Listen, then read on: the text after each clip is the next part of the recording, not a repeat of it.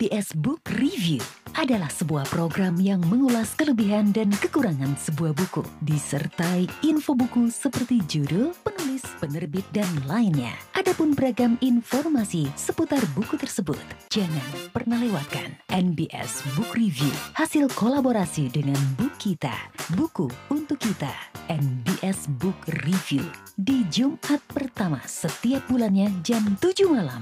Tetaplah membaca, karena membaca membuka jendela dunia. NBS Radio.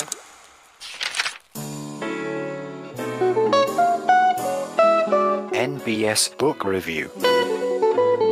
Sponsored by Periplus Bandung.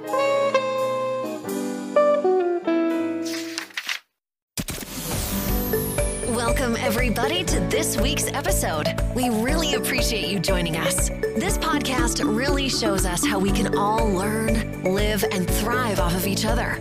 By sharing our knowledge through our conversations, we will impart some knowledge whilst learning ourselves how to progress even further.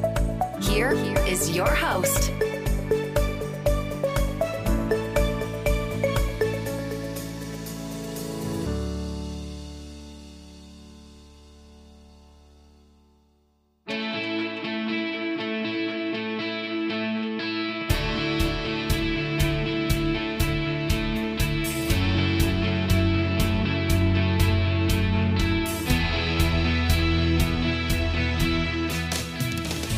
Halo semuanya, salam kenal dan sapa dari kami Bu kita dengan host Andri dan BP untuk semua pecinta buku di mana pun Anda berada. Podcast ini disponsori oleh toko buku Periplus Bandung yang berlokasi di Jalan Dr. Setiabudi nomor 42 dan 46, lantai 2 Setiabudi Supermarket, dan di Bandara Hussein Sastra Negara di jalur domestik maupun internasional. Bu kita adalah sebuah podcast yang membahas berbagai hal menarik tentang buku-buku, baik yang berbahasa Inggris, terjemahan maupun dari penulis Indonesia, tapi utamanya buku-buku English version. Gak cuma tentang buku, kita juga akan ngobrol santai topik menarik seputar dunia buku. Melalui podcast ini, teman bu kita nggak hanya dapetin informasi buku, tapi juga fakta, tips, trik, riset, dan data seputar topik yang ada di dalam buku yang sedang dibahas. Biar insight bukunya bisa kita dapetin banget dan dijadiin wawasan, juga refleksi kehidupan kita. Sekali waktu, kita juga punya program solo review, guest star, dan ngobrol santai event buku. Terutama event yang ada di Bandung. Untuk kerjasama, kolaborasi, tanya-tanya, dan silaturahmi, langsung aja email bu kita di prime.book@gmail.com. Kalau kalian suka konten podcast ini dan merasa podcast ini bermanfaat, tolong share juga di IG story kalian atau media sosial kalian lainnya. Jangan lupa juga untuk follow akun Instagram Bu kita di @bukita.podcast. Strap yourself in because we're set up, switched on, and ready to go.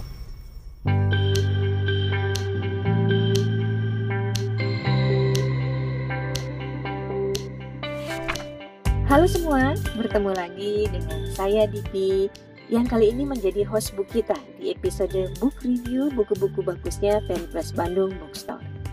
Podcast ini disponsori oleh toko buku Periplus Bandung yang berlokasi di Jalan Dr. Setiabudi nomor 42 dan 46, lantai 2 Setiabudi Supermarket dan di Bandara Hussein Sastra Negara di jalur domestik maupun internasional.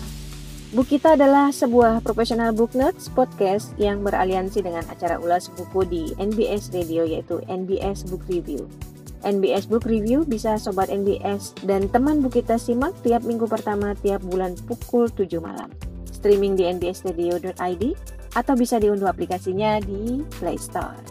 Please follow akun kami di @bukita.podcast, akun NBS Radio di NBS Suara, dan toko buku at periplus underscore.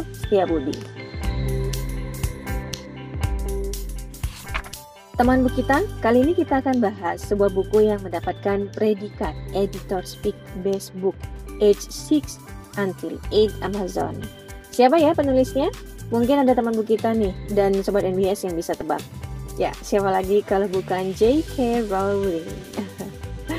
J.K. Rowling dikenal sebagai penulis tujuh buku Harry Potter yang diterbitkan antara tahun 97 sampai 2007. Petualangan Harry, Ron, dan Hermione yang sangat populer sudah terjual lebih dari 500 juta eksemplar ya. diterjemahkan ke dalam lebih dari 80 bahasa dan dibuat menjadi 8 film blockbuster. Luar biasa sekali. Bersamaan dengan serial Harry Potter, J.K. Rowling juga menulis tiga jilid pendamping pendek untuk Amal. Ada Quidditch Through the Ages dan Fantastic Beasts and Where to Find Them untuk bantuan comic relief dan The Tales of Beedles the Bard untuk membantu Lumos. Buku pendamping dan seri asli semuanya tersedia sebagai buku audio. Tahun 2016, J.K. Rowling berkolaborasi dengan dramawan Jack Thorne dan sutradara John Tiffany untuk melanjutkan kisah Harry dalam sebuah drama panggung. Harry Potter and the Cursed Child yang dibuka di London kini juga diputar di Eropa, Amerika, dan Australia. Di tahun yang sama, dia memulai debutnya sebagai penulis skenario dengan film Fantastic Beasts and Where to Find Them ini adalah yang pertama ya dalam rangkaian petualangan baru yang menampilkan ahli sihir di dunia sihir Newt Scamander. Yang kedua, Fantastic Beasts: The Crimes of Grindelwald ini dirilis tahun 2018. Saya suka banget nih sama tokoh Newt Scamander ya. Ini jadi uh, book boyfriendnya saya sampai sekarang. Baik skenario serta naskah Harry Potter and the Cursed Child juga tersedia sebagai buku terbitan. J.K. Rowling juga menulis novel untuk orang dewasa. Ada The Casual Vacancy yang terbit tahun 2012 uh, eh, dan diadaptasi untuk televisi tahun 2015. Lalu dengan nama samaran Robert Galbraith, dia juga menulis serial Crime Strike ya, yang sangat terkenal. Menampilkan detektif swasta Cormoran Strike dan asistennya Robin Ellicott. Empat buku dan buku audio sudah diterbitkan dalam serial ini dan juga sudah diadaptasi untuk televisi oleh BBC dan HBO. Buku kelima, Trouble Blood, diterbitkan tahun 2020. Pidato J.K. Rowling di Harvard Commencement tahun 2008 itu diterbitkan uh, sebagai sebuah buku bergambar, Very Good Lives, The Fringe Benefits of Failure and the Importance of Imagination, tahun 2015 ya. Ini buku ini dijual untuk membantu Lumos dan membantu keuangan universitas di Harvard. Tahun 2020, J.K. Rowling merilis secara online gratis serial The Ichabod ya. Sebuah dongeng asli yang dia tulis lebih dari 10 tahun yang lalu sebagai cerita pengantar tidur untuk anak-anaknya yang masih kecil. Dia memutuskan untuk berbagi dongeng ini ke semua keluarga yang sedang prihatin melockdown diri di masa pandemi. Royalty Ichabod disumbangkan kepada perwalian amalnya, The Fallen Charitable Trust, untuk membantu kelompok-kelompok rentan yang terutama terkena dampak pandemi COVID-19 di Inggris dan di dunia. Selain menerima OBE dan Companion of Honor atas layanan untuk sastra anak-anak, J.K. Rowling sudah menerima banyak penghargaan lainnya, termasuk French Legion d'Honneur, Spain's Prince of Austria's Award, dan penghargaan Hans Christian Andersen dari Denmark. Informasi lebih lengkapnya teman buku kita dan sobat NBS bisa dapatkan di amazon.com. Ini dia review novel Ichabod karya J.K. Rowling.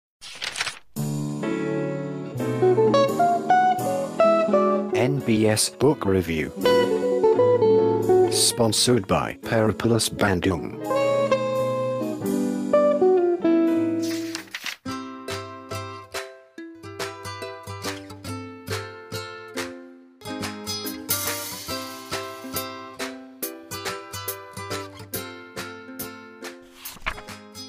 Menarik sekali menyimak beragam manfaat membaca dongeng. Membaca dongeng bisa digunakan sebagai sarana yang tepat untuk membentuk habit membaca buku sejak dini.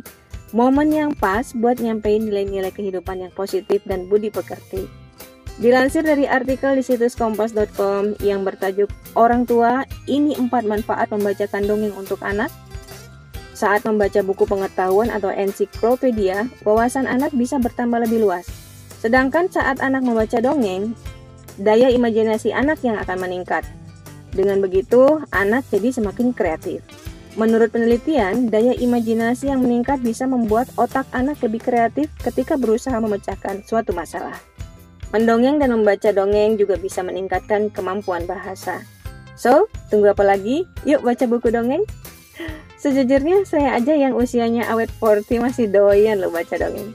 Selain punya reading time bersama anak di malam hari dan kami membaca buku-buku dongeng Indonesia dan impor, Saya juga membaca buku dongeng sendiri di waktu-waktu senggang. Dan senangnya, kali ini buku yang mau kita bahas punya unsur dongengnya. Ikebok adalah dongeng untuk anak usia 6-8 tahun. Range usianya segitu menurut yang tertera di Amazon. Pasti teman buku kita dan Sobat NBS sudah penasaran banget ya ingin tahu buku J.K. Rowling yang satu ini? Yuk tetap di sini, di buku kita bersama saya DP. The Ikebok ditulis oleh J.K. Rowling dengan genre buku children, diterbitkan oleh Hachette Children's Group tahun 2020. Buku ini bisa teman buku kita dapatkan di toko buku Periplus Setiabudi, bisa dengan mengontak Instagram mereka di @periplus underscore Setiabudi dengan harga 450.000 untuk edisi hardcover.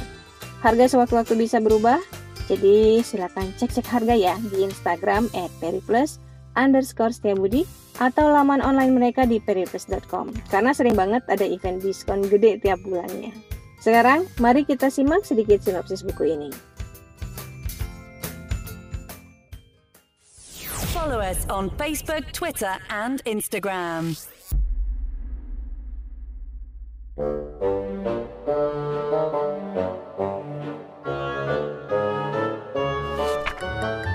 Di suatu kerajaan bernama Cornucopia tersiar sebuah legenda tentang monster Ikebok yang kejam dan berbahaya.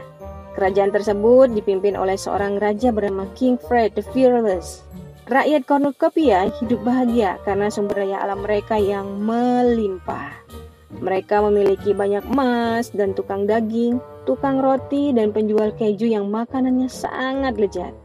Semuanya sempurna, kecuali Marshlands, berkabut di utara yang menurut legenda adalah rumah bagi Ikebok yang mengerikan. Raja Fred mempunyai dua sahabat yang culas dan penjilat. Akibatnya, Raja merasa dirinya nggak pernah berbuat salah karena terus disanjung dan tanpa menyadari dirinya sudah dimanfaatkan dan dimanipulasi. Hingga satu ketika, ada seorang anak kecil yang dengan lantang menyebutnya raja yang kejam dan jahat. Lalu seorang tua penggembala dari Marslander menghadap raja dan mengadu tentang anjingnya yang hilang di mangsa Ikabok, monster legend yang mengerikan. Dari sinilah cerita ini dimulai.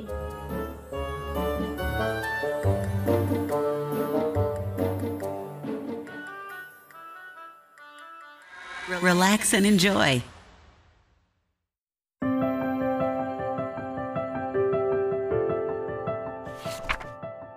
Don't judge the book by its cover. Atau yuk judge the book by its cover. Saya mau mengomentari fisik dan desain sampul bukunya dulu ya sebelum masuk ke isi cerita. Jadi ada gambar-gambar ilustrasi menarik yang berukuran kecil di desain sampul buku hardcover ini. Ada pedang, kapak, obor, cake, dan lain-lain. Saya juga baru sadar setelah selesai membaca buku dan memperhatikan lebih detail sampulnya. Kalau teman buku kita dan sobat NBA sudah baca bukunya, mungkin akan sama ya kayak saya, yang langsung ingat ke bab-bab awal cerita yang memang cukup menonjolkan pedang ini ke dalam cerita, begitu ngelihat ilustrasi gambar pedang di sampul buku. Jadi kesimpulannya, pasti gambar-gambar yang lain pun punya makna.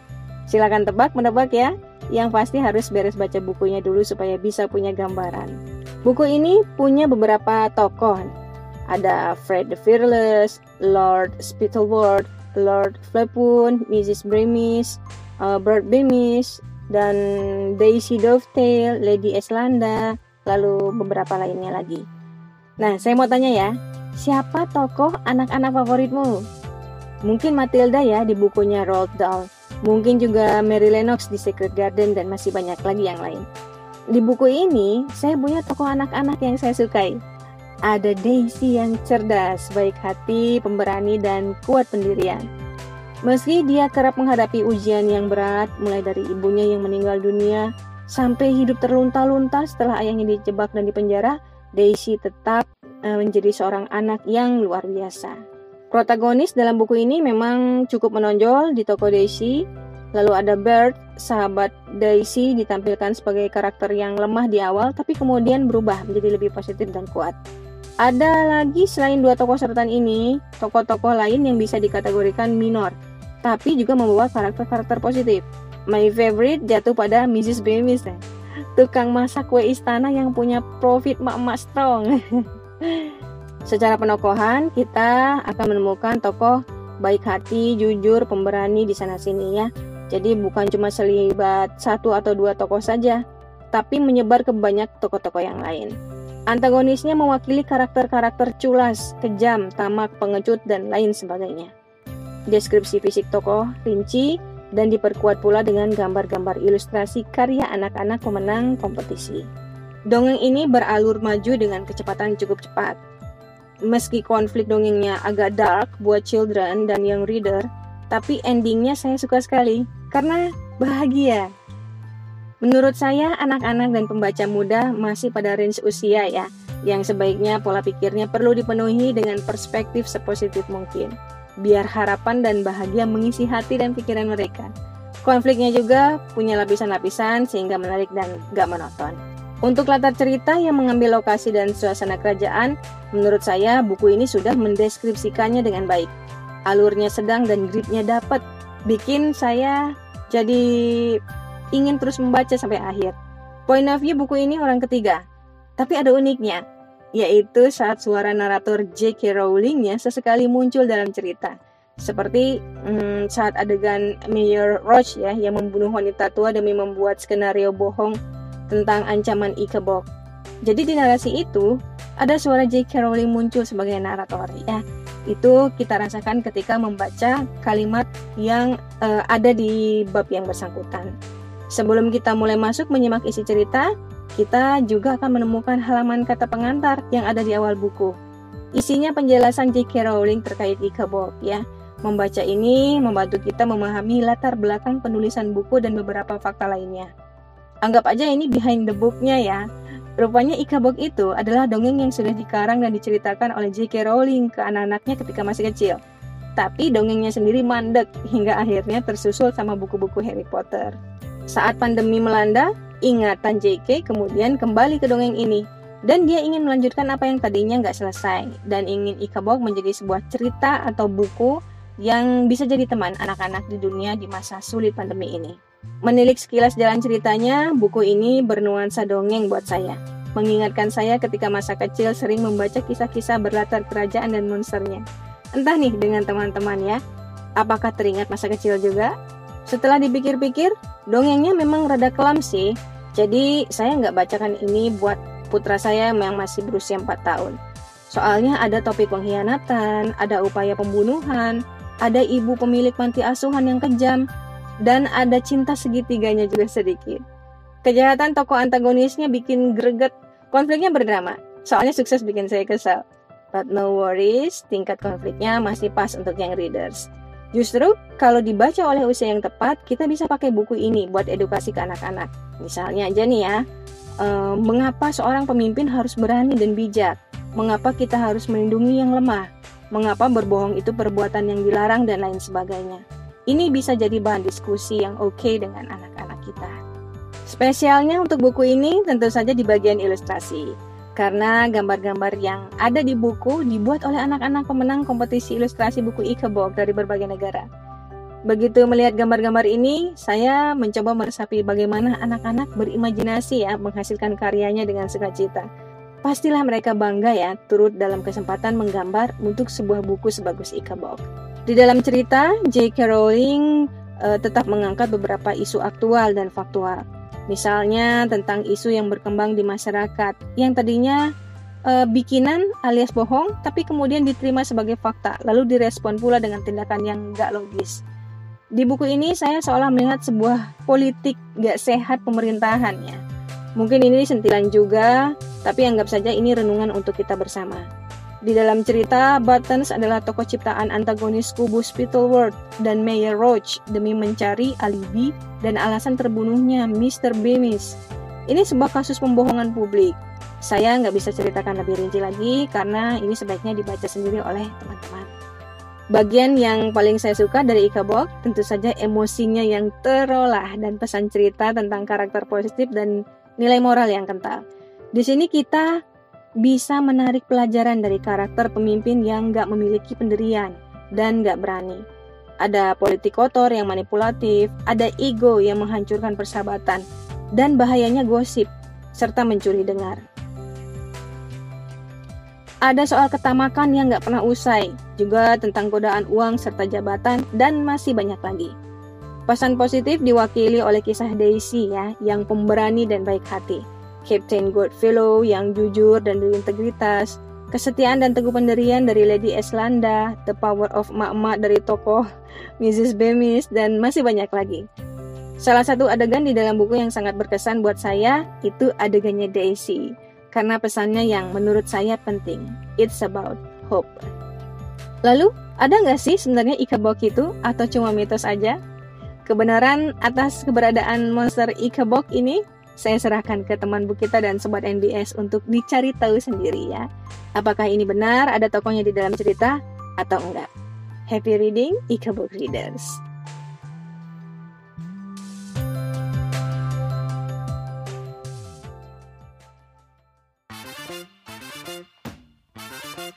NBS Book Review adalah sebuah program yang mengulas kelebihan dan kekurangan sebuah buku, disertai info buku seperti judul, penulis, penerbit, dan lainnya. Adapun beragam informasi seputar buku tersebut, jangan pernah lewatkan NBS Book Review, hasil kolaborasi dengan Bukita, buku untuk kita, NBS Book Review, di Jumat pertama setiap bulannya jam 7 malam. Tetaplah membaca, karena membaca membuka jendela dunia. NBS Radio.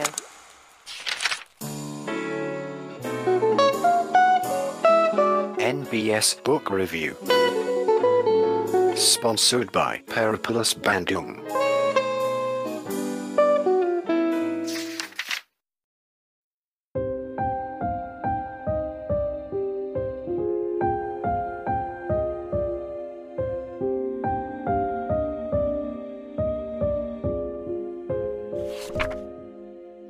Kisah Empat Lilin Ada empat lilin yang menyala.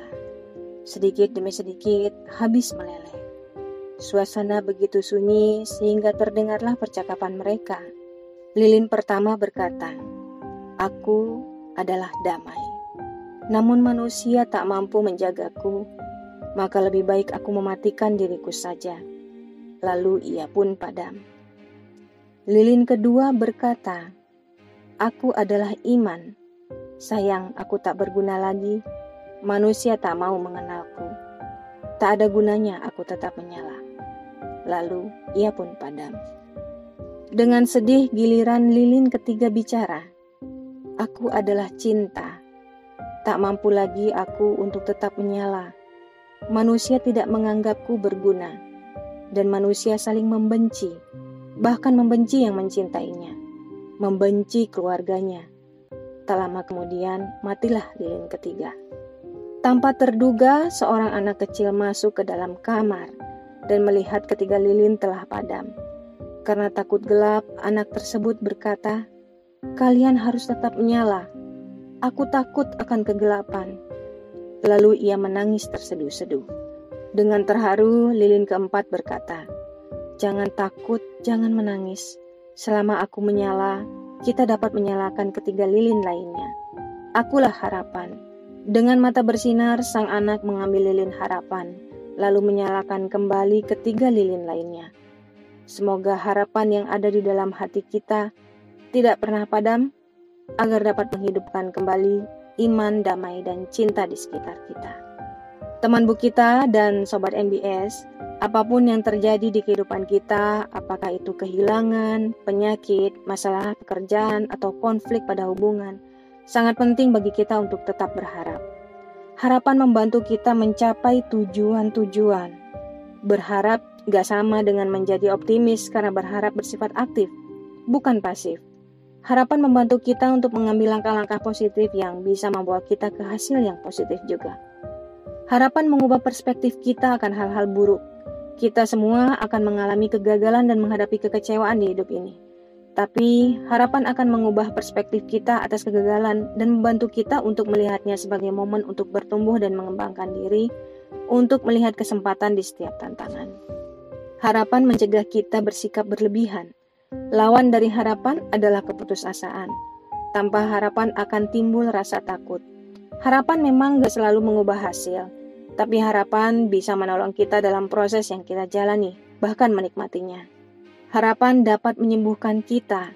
Banyak yang sudah membuktikan bahwa berharap dapat membawa dampak positif pada kondisi psikologis kita karena hubungan antara pikiran dan tubuh itu nyata. Jadi, tetaplah berharap meski nggak mudah.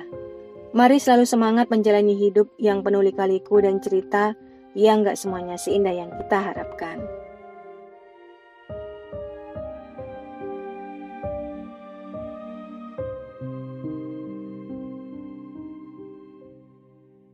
If you've enjoyed this episode, share it with your friends.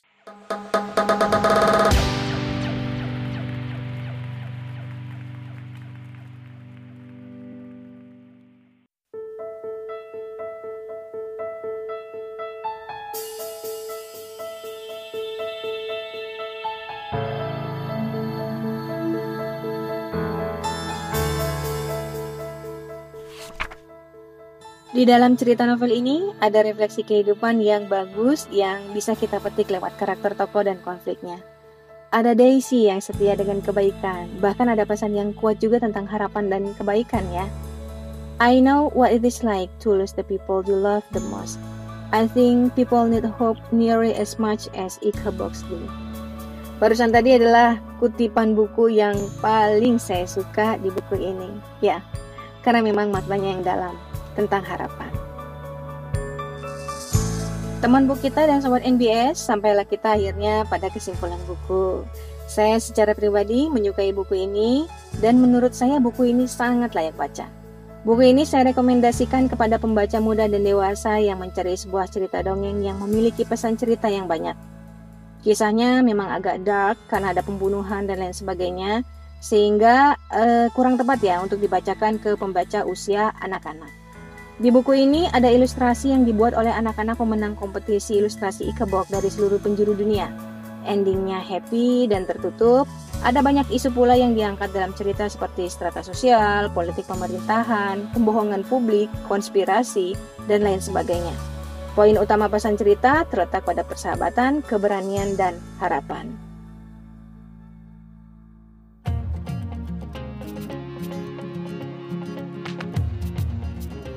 Loved what you've heard on this week's episode? Well, well, the answer is simple. It would mean the world to us if you could head over to iTunes and leave us a five star review and feedback. Spreading the word really is the best way to grow our podcast and achieve even greater things. Thank you. Thank you.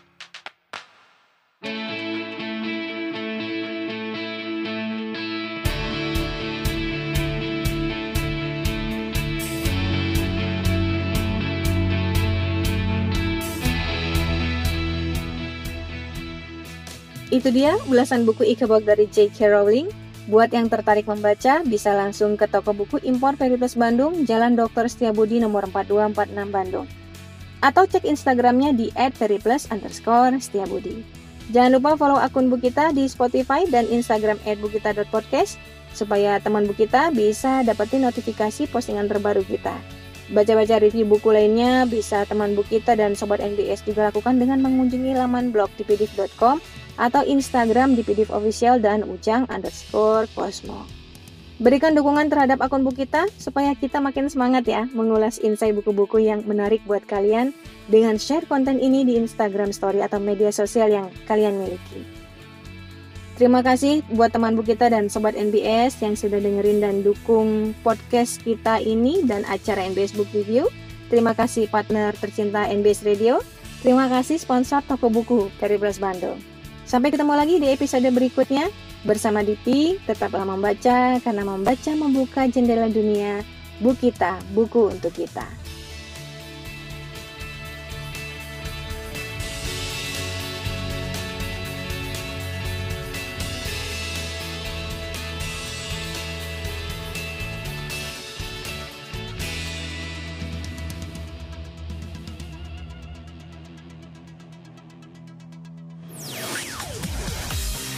Thanks for listening. We hope you enjoyed the show.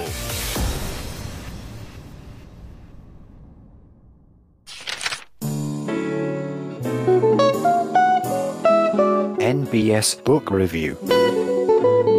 Sponsored by Periplus Bandung.